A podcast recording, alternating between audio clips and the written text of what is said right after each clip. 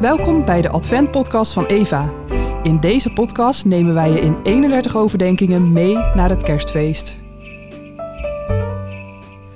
Aflevering 17. Een meisje dat was uitgehuwelijkt aan een man. Lucas 1, vers 27. Hoe oud was Maria eigenlijk toen ze voor het eerst zwanger werd? Er wordt vaak gezegd dat ze een jaar of 13, 14 was. Dat klinkt ongemakkelijk in onze oren. Een tienermeisje dat ongevraagd zwanger wordt en dan verplicht moet baren? Oef. Waarschijnlijk was ze een jaar of 17, 18. Wij hadden haar vast liever nog twee keer zo oud gezien, maar tegen de 20 was normaal in die tijd. Weten we uit rabbijnse teksten. Men begreep toen uitstekend hoe gevaarlijk vroege zwangerschappen zijn. Vrouwen waren blijkbaar vrijer dan wij vaak denken. In het Nieuwe Testament lijken veel van hen ook single. Martha, de diverse Maria's, Johanna, Lydia, Susanna. Zij komen niet bepaald over als slachtoffers van een boze mannenwereld.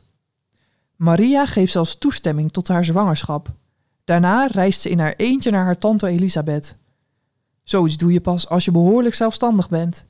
En dan maakt ze nog een eigen lied, vol diepzinnige verwijzingen naar de Bijbel. Bepaald geen tienerrijmelarij. Het is wel duidelijk. Maria was een bij de hand jonge vrouw, van ergens rond de twintig.